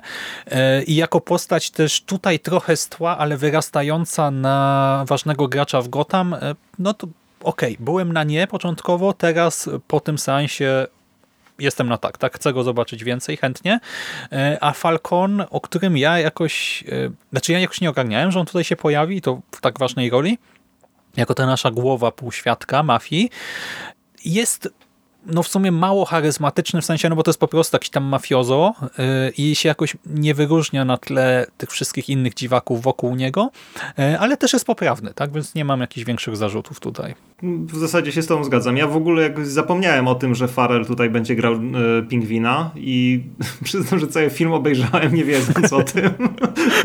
I to chyba jest największy komplement, jaki mogę powiedzieć, bo nie no, no kapitalna rola, bardzo fajnie wyważona, nie? Bo tutaj znowu jakby można wrócić do tego, że tutaj te postacie wszystkie są bardzo uczłowieczone. One mają w sobie bardzo mało jakiejś takiej tej ach, nie wiem jak to określić, nawet takiej no nie super bohaterskości, ale tego co na przykład było, co, co kojarzymy pewnie często z Pingwinem, czyli że to taka postać nieco fantastyczna. Przerysowania takiego. Tak, nie ma takiego, tych gadżetów, właśnie, no, parasola, pingwinów i tak dalej, i tak mhm, dalej. Tak, tak, no bo ten choćby ten motyw taki y, z pingwinami, on był taki no fantastyczny troszkę, nie? Tutaj zupełnie jest z, y, z, tego obrany i w ogóle znowu nawiążę tutaj do tego serialu Gotham, to się w ogóle świetnie się łączy ta postać, y, bo tam też mamy młodego pingwina i w ogóle jest fantastyczny jego tam origin znowu w serialu Yy, zrobiony. Nie wiem, jak to się. Ja tam jestem pewnie gdzieś, nie wiem, na drugim sezonie z chyba pięciu, więc nie wiem, czy to się będzie trzymało kupy, ale na razie zaskakująco fajnie, fajnie się to spina. A ten drugi, yy, jest, też znowu zapomniałem jak się nazywa. Falcone. Falcone. Właśnie, on znowu, on, on po prostu jest. I tak samo mam jak z Gordonem. On po prostu dobrze odgrywa tą rolę, która jest jakaś taka no, konieczna w tym filmie. No, on, on nie ma jakiejś wybitnej charyzmy, charyzmy on jej nie potrzebuje. Mhm. On ma pozycję. Mhm. No, ja wam powiem, że e, wchodzimy w tę część e, Batmana, e, która jest moim zdaniem dyskusyjna, bo ja bardzo doceniam rolę przede wszystkim Farela, no bo Falcone to, to tak jak mówicie, on, on po prostu jest. Jest, jest ok, ale to, to nie jest żadna wielka rola. Natomiast y, y, ta dwójka y, to, to będzie niezłe odejście pod wątek Seliny Kyle, mhm. bo według mnie nie, nie do końca tutaj się właśnie udało to zbalansować, bo te wszystkie postaci, czyli Pingwin, Falcone i e, Selina Kyle, e, oni w pewien sposób e, łączą się oczywiście z wątkiem głównym, czyli z wątkiem mm, Riddlera, ale też jakby stanowią sami w sobie dosyć ważny wątek na uboczu. I Tutaj wydaje mi się, że takiego wyczucia, jakie miał Reeves w kreacji mm, Batmana, Bruce'a, Riddlera i właśnie tych wszystkich innych wątków w tej, w tej głównej osi, mm, tutaj trochę tego zabrakło. Pingwina jest tyle, ile powinno go być, jest ok ale po prawdzie to jakby go nie było, to, to też y, ten film by za wiele nie ucierpiał i wydaje mi się, że to czuć trochę, że po prostu to jest znowu tak jak to teraz robią, nieco bardziej subtelnie, ale ja to mimo wszystko wyczuwałem, że to jest po prostu wprowadzenie postaci pod serial, który wiemy, że, że będzie powstawał. A druga rzecz to Pingwin służy myleniu wątków i tropów, nie? Bo tak, w tych tak, zagadkach tak, tak, tak. E, to, te mhm. zagadki są fajne i y, no właśnie tak docieramy do pingwina w którymś momencie, e, ale rzeczywiście no to trochę taki zabieg e, no, potrzebny był dla scenariusza, nie? Tutaj. A, tak, tak. Ja I... tylko chciałem ci, Jerry, przerwać z pytaniem, bo widocznie mam bardzo słaby research, ale o jaki serial chodzi? O pingwinie. Jest, jest serial o pingwinie, HBO zamówiło, e, Farrell będzie go grał i on się ma rozpoczynać w zasadzie e, w momencie, kiedy się Batman kończy. Mm. Jak w Batmanie mamy to ujęcie z pingwinem obserwującym e, odbudowę Gotham, rozpoczynającą się, no to tak ma się zaczynać serial, tak naprawdę. Okej, okay. brzmi ciekawie.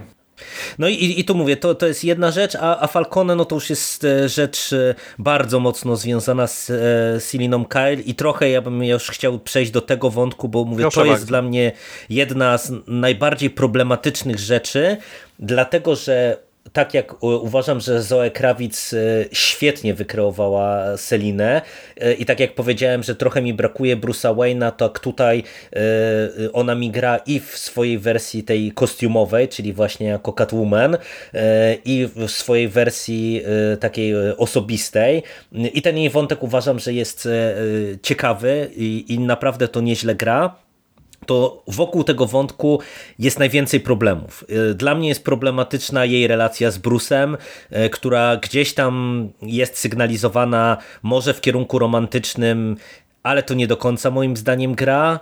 Ona ma bardzo silny wątek z oczywistych względów z Falcone, i znów to nie do końca dla mnie gra i nie do końca to dla mnie wybrzmiewa. I powiem rzecz kontrowersyjną, pomimo tego jak bardzo Zoe Krawic mi się podobała jako postać, Uważam, że ten film cały bardzo mocno by skorzystał, gdyby ten wątek w ogóle wyrzucić. Znaczy, e, muszę cię I, rozczarować, i... Mhm. to nie jest kontrowersyjna opinia. Okej, okay. no to tak mi się wydawało po zachwytach nad e, właśnie e, jej rolą i postacią kobiety kot, że, że to jednak będzie kontrowersyjne. No, jeżeli nie, to, to okej. Okay. Natomiast no, no mówię, tu według mnie naprawdę cały ten wątek mógłby spokojnie wlecieć i, i ten film byłby spójniejszy w tonacji byłby lepszy, ten, ten trzeci akt też byłby lepszy, bo nawet pomimo tego rozbuchania moim zdaniem e, to, to lepiej by wypadało, a co więcej, nawet tutaj w tym wątku jest najwięcej takich głupot, głupot, takich komiksowych, jak wiecie, jak to, to nagranie, które w którymś momencie wypływa, które no, no jest, bo musi być fabularnie, bo musi nam coś pokazać. E, i, i tu jest kilka takich rzeczy, które Mm, no ewidentnie moim zdaniem po prostu Reevesowi się, się rozjechały, nie? Także Także no fajnie, ja y, czekam na powrót Kobiety Kota, może właśnie w serialu o Pingwinie, y, może dostanie swój serial też, może taka była intencja właśnie, żeby tak jak z Pingwinem, to żeby też ją wprowadzić i po prostu ją wypuścić na y, swoje jakieś tam tory, no bo ona też no, mhm. no, kończy jak kończy, ale, ale suma summarum uważam, że to jednak był błąd i, i naprawdę lepiej by się stało dla filmu, gdyby tego nie było. Tak, bo tak naprawdę przez y, postać właśnie tutaj Seliny mamy nie film, tylko półtora filmu. Tylko, że to nie są dwa no, filmy dokładnie. znowu, bo jakby tak. ten wątek nie, nie wybrzmiewa znowu jakoś y, najmocniej i rzeczywiście, no jakby no, zgadzam się właśnie z tym, z tym, co mówisz. Jakby nie wiem do końca, jak ten wątek można by wyciąć, bo on jest mimo wszystko dosyć mocno spięty z całą resztą. No trzeba by po prostu przebudować cały scenariusz. W sensie nie da się zrobić tak, że wytniemy po prostu z nią sceny. Nie? One, one są tak, dla, tak, dla tak, fabuły no, są dosyć istotne, mhm. ale rzeczywiście troszkę się przez to całość rozpływa. I ja na przykład nie miałem z tym problemu w kinie, bo mi się to dobrze oglądało, ale tak jak mówiłem, no w domu już troszkę bym się przy tych dwóch i pół godzinach męczył, bo byłoby mi no, lekko pewnie o pół godziny za dużo. I co do tej samej roli, ja znowu nie podzielam jakoś wybitnie zachwytów. Uważam, że ta, rola jest szalenie poprawna i to nie jest jakiś znowu zarzut, ale wiecie, ona bardzo dobrze zagrała kobietę kota wręcz po prostu zbyt dobrze, zbyt jakoś dla mnie to było klasyczne. Miała oczywiście fajnie zmodyfikowany strój, bo był troszkę bardziej taki no też robiony w domu. bliższy ziemi, nie? Tak, tak, taki, taki bardzo prosty. To było spoko, ale, ale miałem wrażenie, że oglądam po prostu kobietę kota, która jakby nie, nie czułem w tym w ogóle, wiecie, jakiejś takiej, takiej nowej energii. Była bardzo, bardzo dla mnie klasyczna. I to trochę mhm. mi się mhm. gryzło z całą resztą postaci. I znowu tutaj nawiązując do serialu Gotham, tam kobieta kot, która jest jeszcze dziewczynką kotem, jest dla mnie o wiele ciekawsza. I jakoś ma o wiele lepszą chemię nawet z młodym Bruce'em niż tutaj e, ta do, dojrzała. Dobra, ja wam, e, znaczy czego już mówiłem, e, to teraz dla Pawła to będzie może nowy wątek. Ja odebrałem Zoe Kravitz tutaj w tym filmie jako po prostu dokoptowanie kobiety. Żeby to nie był taki czysto męski film, tylko z męskimi bohaterami, samymi facetami w policji, e, przestępcami, Batmanem, etc. E, żeby znaleźć jakiś taki trochę złoty środek i jakąś bohaterkę, której też żeńska część publiczności może kibicować tak z jakąś taką identyfikacją, ale zgadzam się, że to wyszło tak sobie. Nie wyszło źle, ja nie jestem tutaj krytykiem. E, na plus na pewno e, ten kostium, tak jak wspomnieliście i to, że postać ma pazury, tak, te paznokcie tutaj. Tak, to też tak, jest, to jest taki, super. kurczę, taka pierdoła znowu, tak, ale jako element tej dbałości o szczegóły, wow, tak, mega plus ode mnie za te wszystkie właśnie pierdółki. Do tego ma prostą genezę, e, która jakoś tutaj ma sens. E, nie zgodzę się, że relacja z Bruce'em, e, z Batmanem jest słaba, bo to mi się podobało, że to właśnie nie jest love interest, tylko to jest bardziej tak, no, sporo nas łączy, teraz nas połączyła ta konkretna sprawa, te konkretne wątki, ale jednocześnie no, każdy z nas ma swoje życie, swoje problemy i to mi zagrało, to mi się podobało, że właśnie nie zrobiono z tego, nie wiem, no kobiety w opałach albo właśnie zwykłego wątku romantycznego. E, moim zdaniem to była dobra decyzja, ale rzeczywiście ten film mógłby się obyć bez niej. Tylko, że wtedy no właśnie nie byłoby żadnej absolutnie bohaterki kobiecej, tak, która Znaczy- nie jest tylko trupem w No bagażniku. jeszcze, jeszcze była ta pani prezydent miasta. Ale no, No to tak, ja ale wiem, to jest tak postać. Przez trzy czwarte filmu je- jej nie ma, nie? Ona jest No właśnie jasne, w tle, jasne. a Mhm. potem dostaje dosłownie ze dwie sceny i to są okej, to są w porządku sceny, ale nadal właśnie nie ma tutaj Barbary, tak, nie ma innych bohaterek Yy, i myślę, że tylko dlatego ją tutaj jakoś yy, dokoptowano i zrobiono to w miarę poprawnie, ale mimo wszystko, tak jak mówię, no mogłoby się obyć, moglibyśmy się obyć też bez niej. I jedyny problem, jaki mam, to, e, zresztą nie jedyny, ale jeszcze jeden, e, tak jak Pingwin, moim zdaniem był podprowadzany, ja myślałem na etapie seansu, pod, że pod sequel, okazało się, że pod serial, e, ta kobieta kot została właśnie nie została podprowadzona pod coś, tak? Ona w ogóle trafi do tego bliźniaczego miasta Gotham, no może tam mieć swój wątek z Robinem na przykład, czy coś takiego kiedyś, ale tak trochę pojawiła się, zniknęła i to, to, to zakończenie jej wątku mimo wszystko średnio mi pasuje. Wolałbym, żeby się po prostu rozeszli w mieście, a nie rozstali w taki Mhm. sposób. Czy wiesz, jeśli chodzi o kobiece postacie, to szkoda, że nie zrobili Alfredy zamiast Alfreda. To też by było zabawne. Ale ja właśnie, no, no bo tak, to, to nie jest tak, że tutaj coś w tej postaci jest złe, e, ale to jest trochę tak, jakby ktoś, wiecie, zaprosił nas na obiad z deserem jakimś wielkim, jeszcze nalał nam piwa, a później powiedział, słuchajcie, jeszcze pizza będzie. Tak, I ta pizza jest dobra, ale, Tak, ale, ale nie jest nie wybitna chcesz. i jesteś najedzony. Tak, Tak, tak. Zgoda. Nie no, tym bardziej, że e, to, to też jeszcze myślę, przechodząc do ostatniej postaci, o której warto e, coś powiedzieć, bo w sumie nam się fajnie układa, że my fabułę praktycznie opowiedzieliśmy tymi postaciami e, w dużej, w dużej mierze, Mm, to jest Alfred i też w kontekście właśnie wątku Seliny, no moim zdaniem na przykład wątek Alfreda też na tym cierpi, bo tutaj tak jak ja wspomniałem wcześniej, że trochę mi brakuje Bruce'a, mm, to najwięcej Bruce'a dostajemy właśnie w relacji do Alfreda. I tak jak e, e, ta kreacja mi się e, podoba, ale znów jest raczej poprawna niż jakoś wybijająca się, to też miałem poczucie, że trochę tutaj już zabrakło miejsca, żeby tę relację dobrze nakreślić, przez to nie do końca moim zdaniem, przynajmniej na mnie oddziaływały niektóre rzeczy, które się w tym wątku działy. Na linii, wiecie, Batman, Bruce, kiedy mamy e, tę te, te, taką eskalację pewną, e, e, powinien nam się załączyć większy dramatyzm. Mm, Ja nie do końca to, to czułem właśnie przez to, że, że mówię, trochę miejsca zabrakło w tym wątku, żeby nam coś wcześniej pokazać, e, żeby to później właśnie z kolei procentowało. Mm, No ale no, no mówię, no mieliśmy tak dużo rzeczy, tak dużo grzebów w tym barszczu, że no coś musiało ucierpieć, no i, i wydaje mi się, że to jest jeden z tych wątków, który właśnie ucierpiał. No, ja się zgadzam. W sensie, no ta postać. Przyznam, że nie umiem sobie nawet do końca teraz przywołać i, jakichś konkretnych scen z nim. Znaczy, może poza tym, że miałem takie odczucie, że to jest taki rzeczywiście taki opiekun, którego ech, dziecko jakieś, którym się zajmuje, cały czas przychodzi na chlanę w nocy, nie? I on jest taki, znowu, no weź tam, nie wiem, idź zjeść coś, idź się umyj. Tak- Taki, no i nadawało to jakiś ton tej relacji, ale, no i oczywiście tam rozwiązywał też te zagadki, ale nie wiem, Ale to brakowało tak mi też trochę jest, życia. Mhm. Bo Alfred tak naprawdę tutaj nie jest tylko, e, nie wiem, lokajem, który dodatkowo ogarnia jakoś gospodarstwo, nie? czy nie wiem, cały przybytek, majątek, etc., tylko on jest e, bardziej tym byłym ochroniarzem. E, który teraz właśnie z jednej strony by chciał chronić Bruce'a e, i wykorzystywać te swoje też umiejętności jako były agent specjalny. Z drugiej strony no Bruce już dorósł i radzi sobie sam, ale jednocześnie jestem, tak jak mówisz, wraca na chlany po nocy i niby jest dorosły, niby nie potrzebuje tej opieki, ale z drugiej strony masz ochotę go kopnąć w tyłek, na zasadzie ogarnij się człowieku. I moim zdaniem to jest w tym filmie i, i ta relacja mi się podobała. A gdyby jej było więcej, znowu też nie wiem, czy jest taka potrzeba, no bo tak naprawdę wszystko można by tutaj rozwijać, ale... Znaczy, wiesz, gdyby, gdyby było jej więcej, to film trwałby trzy godziny.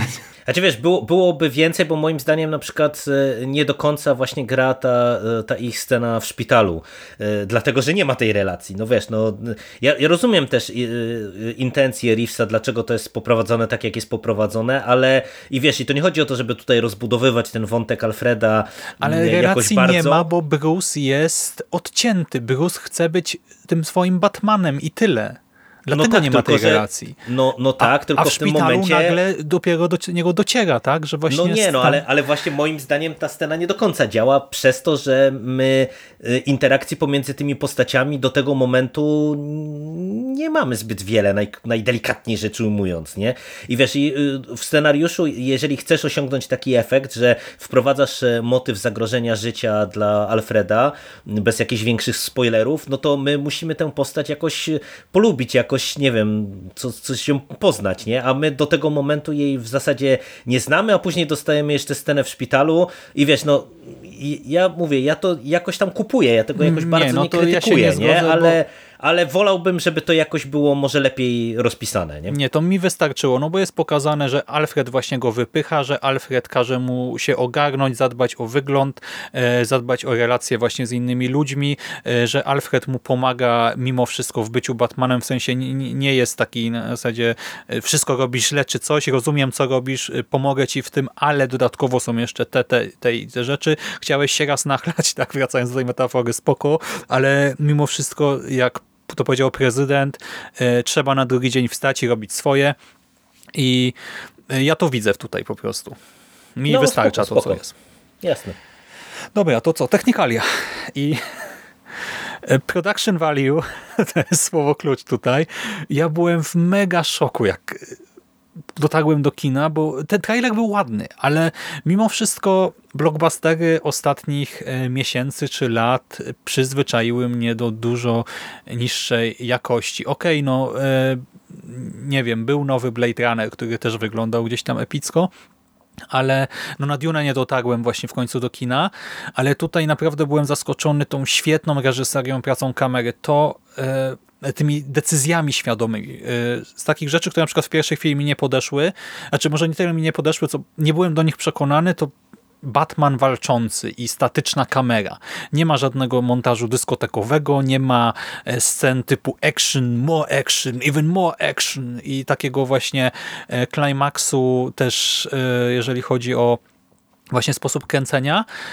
Mamy w miarę spokojne ujęcia, które doskonale pokazują to, co się dzieje. Właśnie pokazują te poszczególne... Nie ma jakiejś kosmicznej choreografii, e, do której nas przyzwyczaiły chociażby właśnie filmy z MCU, e, czy no, trochę też gry z Batmanem. E, mamy zamiast tego takie systematyczne po prostu zwalczanie na przykład tych przestępców. Tak te ciosy, tak jak już wcześniej wspomniałem, one bolą. Czuć właśnie ich siłę i tak jak w pierwszej chwili trochę byłem skołowany, jak to zobaczyłem, to w całym filmie to pasuje. Pasuje do klimatu, pasuje do postaci i no właśnie znowu technikalium, które Świetnie buduje e, też bohatera.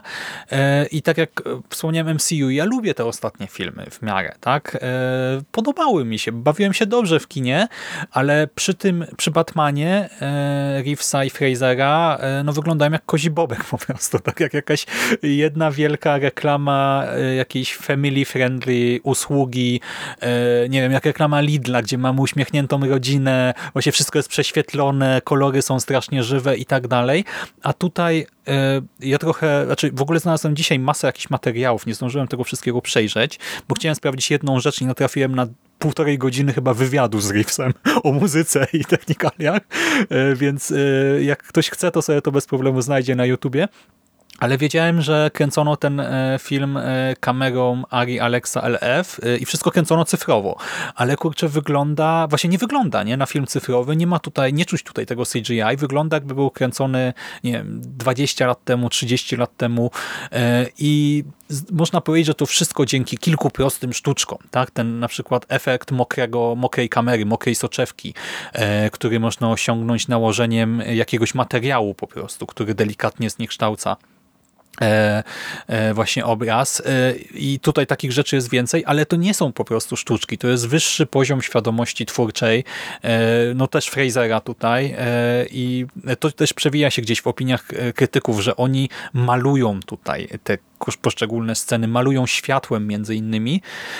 I jak się widzi e, making offy, jak oni kręcą na przykład tego Batmana przechodzącego w tym deszczu i jak jest wielki właśnie e, materiałowy ekran, od którego odbija się światło na Batmana, żeby osiągnąć ten efekt, no to po prostu e, no ja mam banana na twarzy i sobie myślę, super właśnie, że poszli w tego typu e, zagrania, bo na ekranie, na wielkim kinowym ekranie ja byłem zachwycony tym, jak właśnie to światło wygląda, tak jak się odbija od tego kostiumu, jak się gdzieś tam załamuje w deszczu i to nie tylko jak operują tym praktycznym białym światłem, ale też tą taką noirową mieszanką pomarańczowego i żółtego, gdzie właśnie, nie wiem, ta scena pościgu cała jest, nie? W tych właśnie brązach, pomarańczach, piękna jest, e, czy jak mamy sceny w klubie, gdzie tam pojawiają się jakieś inne światła, jak niebieski jest wykorzystywany, czerwony, czy te neony Gotham, które trochę mi się skojarzyły z łowcą androidów, co zawsze jest pozytywnym punktem odniesienia. E, no naprawdę praca kamery, montaż, reżyseria i to światło e, miód I sorry Marvel, ale kurczę, naprawdę, jak sobie y, y, nawet są takie wideo eseje, które porównują na przykład ostatniego Spidermana i Batmana, no to... Nie, tak no to jest, to, jest ko, to jest kopanie leżącego, nie? No to, ale wiesz, to jest no straszne, nie? No bo Marvel nas przyzwyczaił. Teraz może Doktor Strange coś zmieni, bo on już na trailerach wygląda inaczej, ale te ostatnie filmy wszystkie są tak samo właśnie jasne, prześwietlone, CGI-owe, że oni zawsze stoją na tym zielonym ekranie, czy tam może w innym kolorze i tyle, a tutaj tego nie ma. Tutaj tutaj czuć miasto, czuć y, ten mrok i w ogóle właśnie gra cieniem. Piękne to jest, no naprawdę, a to jest blockbuster, tak, o postaci komiksowej. No tak, ja nie mam porównania do innych tych filmów superbohaterskich, bo ich zwyczajnie nie oglądam. Ale... Nie jesz kozich bobków. nie, jedyne co oglądałem z takich rzeczy w ostatnim czasie to jest The Boys, ale to dlatego, że to jest o tym, jak ludzie mhm. leją superbohaterów, to mi się podoba. E, no nie, no ale film jest zrobiony fantastycznie. No i właśnie muzyka, jak też powiedziałeś e, coś o tym, e, no tutaj szczególnie nagranie Nirwany Something in the Way, które jest tutaj wykorzystane, no bardzo fajnie gra. To też takie jest faj, fajnie się łączy ja nie z jestem taką... muzyczny, a ja wróciłem Aha. do domu i sobie puściłem Nirwanę. Nie? To jest niesamowite. No, ale to w ogóle fajnie pasuje do, znowu do postaci Batmana, który jest tutaj jeszcze taki młody, gniewny, nie? I Nirwana, no jakby to nagranie świetnie gra z filmem, ale też świetnie z nim gra, bo to rzeczywiście mhm. można sobie wyobrazić, że on też wraca do domu taki wkurwiony, nie? Ach, tam pobiłem kogoś, puszcza sobie tą nirwanę i siedzi w tym takim makijażu. Znaczy ja y, się ze wszystkim zgadzam, więc tylko y, trzy krótkie rzeczy.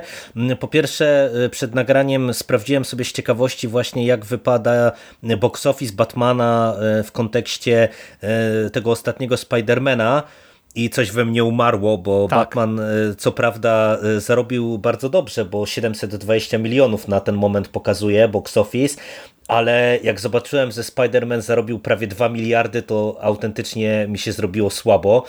E, bo y, no naprawdę ja, ja w ogóle nie, nie jestem fanem tego ostatniego filmu o Spider-Manie, to, to jest po prostu tani, tani fanserwis The Movie, który nie dość, że scenariuszowo nie dowozi, to jeszcze właśnie wygląda źle.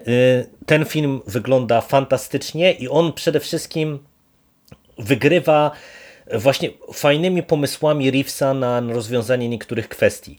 Dla mnie takim, e, taką małą perełką jest na przykład e, to e, wzorowanie się w przypadku Batmobilu na Christine Carpentera e, bo też ja no, słyszałem Batman o tym budzi już... strach, nie? Więc samochód No, też no tak, tak, ale, ale wiesz, świetne. ale, ale to jest tak, że to, to na przykład y, ja już się spodziewałem tego, bo o tym Reeves bardzo dużo mówił w wywiadach, y, zanim ten film trafił do kin, ale myślałem, że to jest takie tam gadanie, nie? Ale po prostu to, to autentycznie w tym filmie czuć, nie? Jak on odpala pierwszy raz Batmobil y, i widzimy tylko właśnie światła i oświetloną przednią maskę i to jak on się porusza, y, y, no to autentycznie to jest ten efekt, który mieliśmy u e, Carpentera w Christine, czyli tego absolutnego przerażenia tym, że e, e, bestia ożywa. To jest fantastyczne. I tutaj właśnie mm, mamy kilka, przynajmniej kilkadziesiąt różnego rodzaju takich mniejszych i, i, i, większych wyborów technicznych, które powodują, że mm, ten film wygląda bardzo, bardzo dobrze, bardzo spójnie i to, to widać też właśnie w wielu ujęciach, nie? Jak na przykład, no ja naprawdę nie jestem fanem całego tego ostatniego aktu, ale na przykład ta cała scena końcowa od tej strony wizualnej, która też była na tych trailerach tego wyjścia z racą na przykład, Fantastycznie to, to było nakręcone, fantastycznie to, to robiło wrażenie. No i też ja bym chciał jakby docenić tutaj Michaela Giacchino, który odpowiada za muzykę, bo on uważam zrobił tutaj też naprawdę bardzo dobrą robotę. Ta Nirvana, o której wy mówicie, ona w niektórych recenzjach jest podnoszona jako coś, co jest nadużywane w tym filmie. Ten motyw, no bo to w zasadzie jest motyw właśnie Batmana, nie? Te, gdzie mamy ten sample z Something in the Way i, i to się pojawia non-stop, ale przyznam się wam szczerze, że ja miałem efekt odwrotny, w tym sensie, że mnie to nie tylko nie męczyło, czy nie miałem poczucia, że to jest nadużywane, tylko wręcz odwrotnie jakby to na mnie działało, że ja czułem, że to jest bardzo świadomie i bardzo konsekwentnie używane. No i cała muzyka jest bardzo dobra. Ja lubię Giacchino, on przy wielu blockbusterach pracował, też na przykład dobrze wspominam jego dokonanie przy Rogue One chociażby, gdzie przy Gwiezdnych Wojnach pracował, ale no on tutaj zrobił też bardzo dobrą ścieżkę dźwiękową i, i to powoduje, że właśnie ten film tak dobrze całościowo wypada od tej strony audiowizualnej. Nie? Te, ta dbałość mhm. o szczegóły, fajne pomysły, fajne patenty, ten, ten miks efektów praktycznych i efektów cyfrowych, to, to zmniejszenie skali w, na wielu planach, no, no to wszystko powoduje, że to jest bardzo, bardzo spójny i przemyślany film. Mhm. Jeszcze wspomniałeś Giacchino. Ja to był zupełny przypadek, ale przed samym seansem, znaczy w dniu seansu z rana, przeczytałem kilka takich negatywnych komentarzy na temat tego jego soundtracka i tych porównań, nie? że tam Cyme, Elfman to są prawdziwe soundtracki Batmana, czy może nawet Balfe, tak, ale właśnie, że Giacchino nie sprostał, ale jak siedziałem już w fotelu kinowym, kurczę, totalnie mnie to chwyciło. I ten główny motyw też dużo osób hejci, że jest oparty na Marszu Imperialnym, tak?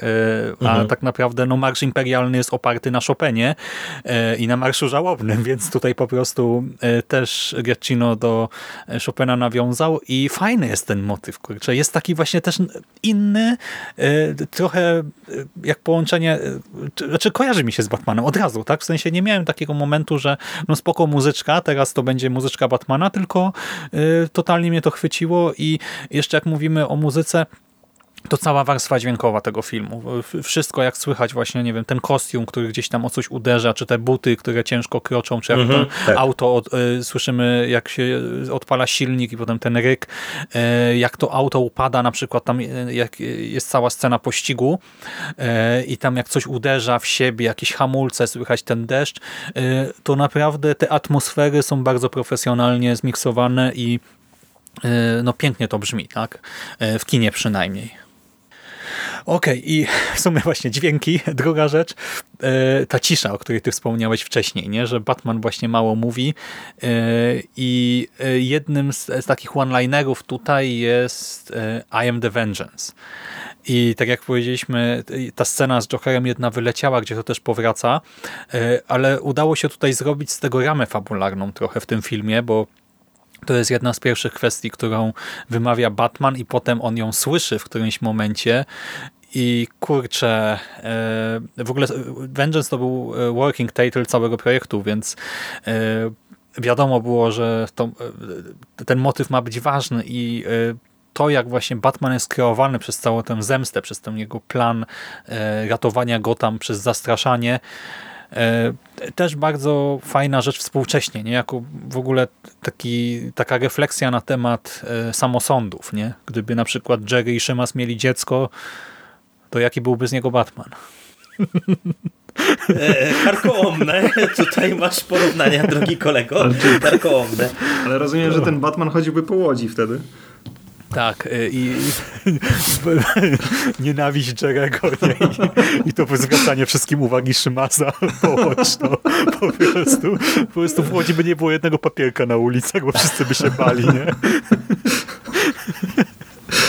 O, dobra. E nie, no ja tu na przykład do tego to niewiele dodam. No uważam, że to fajnie akurat wypada i y, mówię o tym wielokrotnie. Nie jestem fanem ostatniego aktu, ale akurat uważam, że ta klamra y, tutaj narracyjna y, dobrze wypada. To, to jest fajna rzecz. Mhm.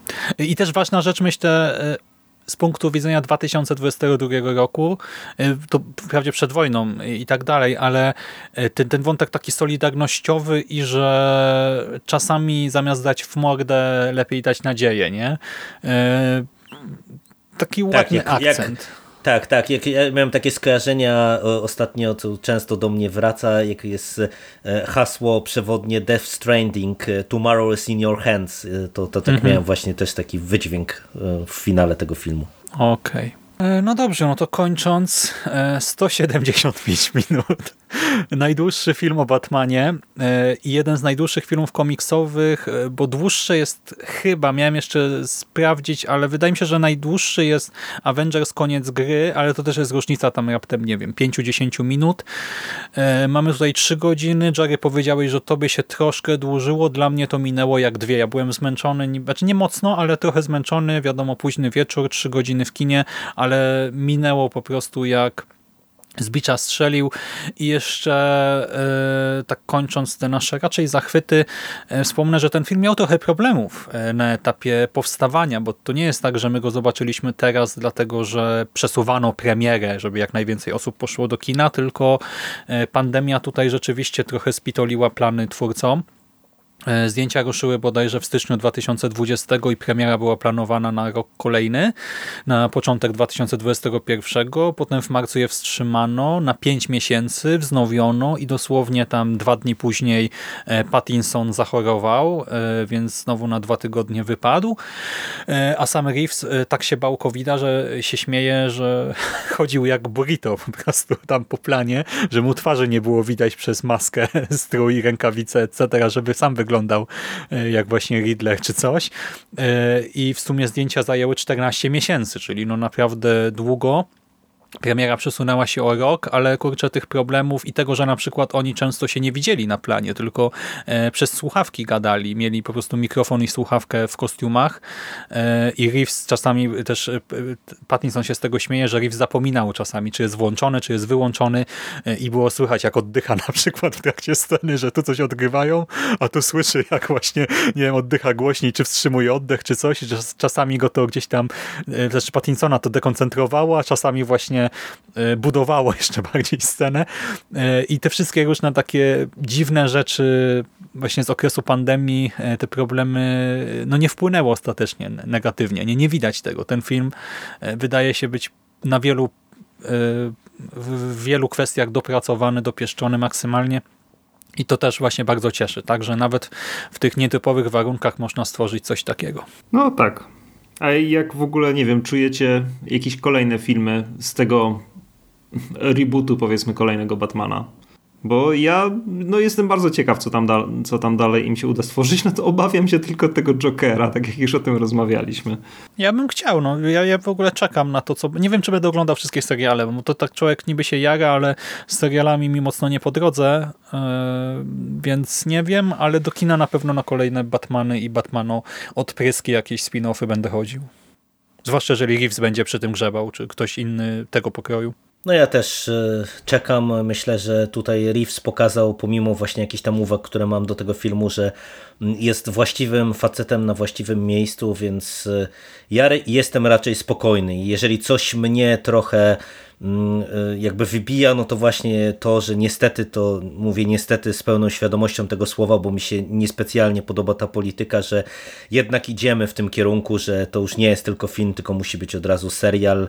E, no, bo ty mówisz, że tobie jest nie po drodze, ja raczej odpuszczam te, te, te wszystkie seriale. Nie, nie, niespecjalnie chce mi się do tego siadać mm, w tej chwili. No tak, bo E, musicie mieć czas no. na oglądanie Spidermana, który jest ciulaty, tak?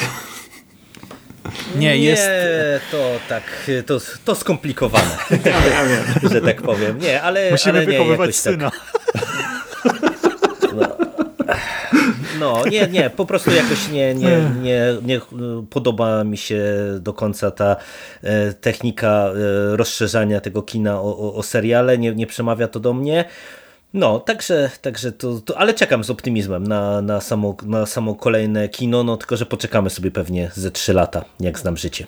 No to będzie pewnie serial w międzyczasie. Ja akurat jestem dużym fanem seriali i rozszerzenia uniwersów, które mi się podobają. A jako, że ja na przykład zupełnie pominąłem te wszystkie takie filmy, gdzie Batman był jakimś jednym z bohaterów, znaczy te, te, te wiecie, jakieś tam z Supermanem i tak dalej.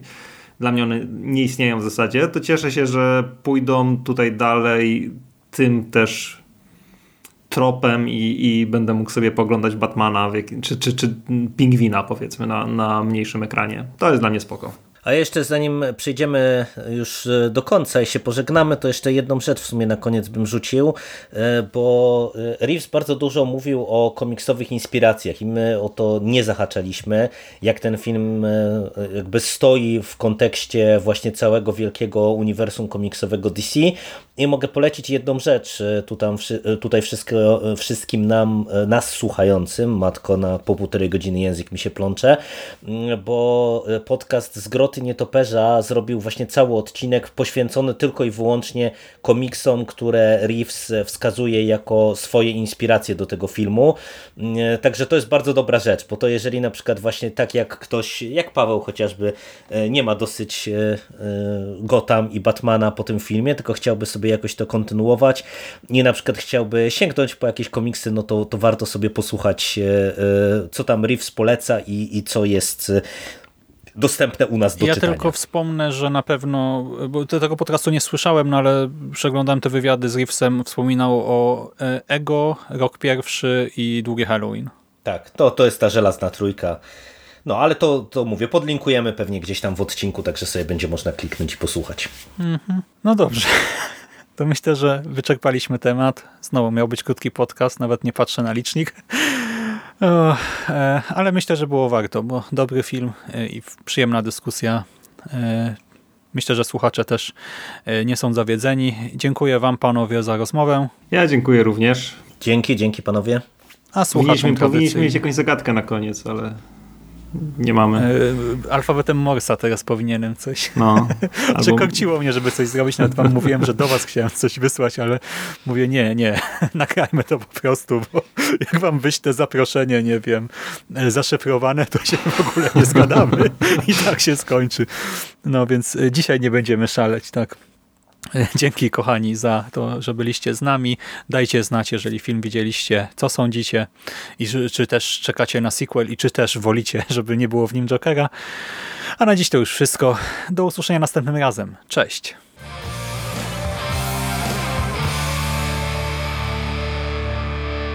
You finished?